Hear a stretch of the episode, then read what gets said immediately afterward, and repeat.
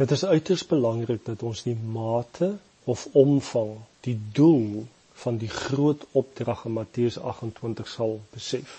As jy weer herinner kan word daaraan, dan lees ek gou vir jou Matteus 28 vers 19: Gaan dan heen, maak disippels van al die nasies en doop hulle in die naam van die Vader en die Seun en die Heilige Gees en leer hulle om alles te onderhou wat ek julle beveel het. Dit is baie belangrik om te sien dat die opdrag nie was om alle nasies te bereik nie met die evangelie nie, maar om die nasies te disipel. Die sukses van die evangelie is nie alleen afhanklik daarvan dat mense die evangelie moet hoor nie, maar dat hulle disippels van Jesus sal word, volgelinge wat soos hy word en soos hy doen. En dit beteken uiteindelik ook dat hulle weer ander gaan disipel. Onthou ware disippels is mense wat soos Jesus leef. Hulle is nie net alleen kerklidmate nie. In die tyd van Jesus is die groot opdrag vir 'n klein groep van omtrent 120 mense gegee om die wêreld te disipel. Elke gemeente het dus die potensiaal as jou gemeentelede tal 120 ongeveer is of meer, dan het jou gemeente die potensiaal om die hele wêreld te disipel en dit is Jesus se verwagting van ons. Hoekom gebeur dit nie?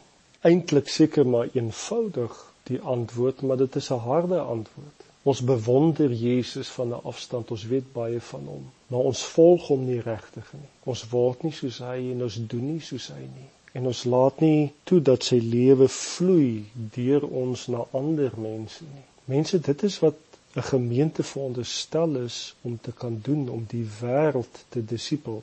Dit is die omvang van hierdie opdrag. Dis die visie van hierdie opdrag. As die liggaam van Christus regtig die groot opdrag ernstig opgeneem het, dan was die hele wêreld al gedisipel.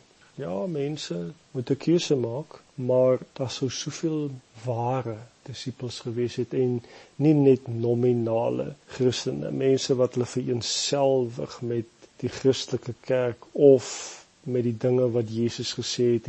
Jesus stel nie daarin belang nie. Jesus stel belang in volgeling. Hy het gesê: "Kom agter my aan en ek sal julle maak vissers van mense." So elke gemeente moet introspeksie hou. Waarmee is ons regtig besig? Want dit is onwaar dat disipelskap, disipelmaking net vir sekere mense en sekere posisies en begaafdes gereserveer is. En dat God net sekere mense vir dit gebruik. Nee, dit is nie hoe dit werk nie. Elkeen van ons word geroep sodat Jesus deur ons kan leef. En daarom is die vraag is die gemeente waarin jy behoort betrokke, gerad, gereed, gemotiveerd en toegerus om die hele wêreld te disipel.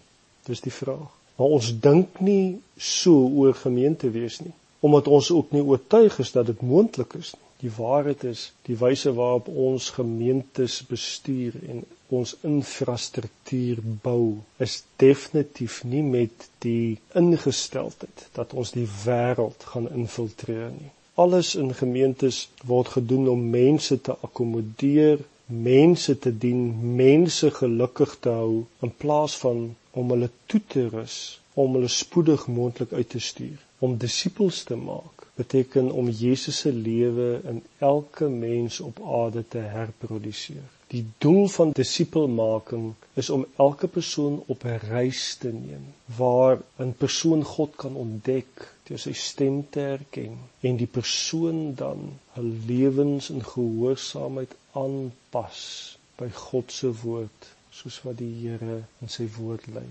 Hierdie proses om met mense te reis is om mense bekend te stel aan Christus en die lewe van Christus as dit ware oor te dra aan soveel moontlike mense. Ons lees daarvan in 2 Timoteus 2 vers 1 tot 2.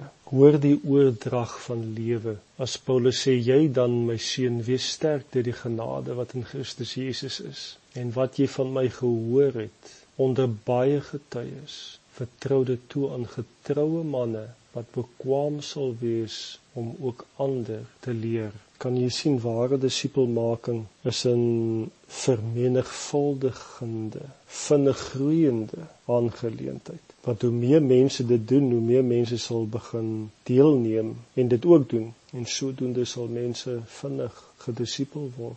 Tree vir tree agter Jesus aan, moet ons nou onsself regtig in die spieël van disipelmaking kyk as 'n gemeente, as 'n individu en vra, maar laat ek toe dat Christus so deur my vloei dat ander sy liefde kan ontdek, dat ander van Christus by my en jou leer hoe om te lewe in die koninkryk, sodat hulle uiteindelik ook dit met ander kan gaan deel.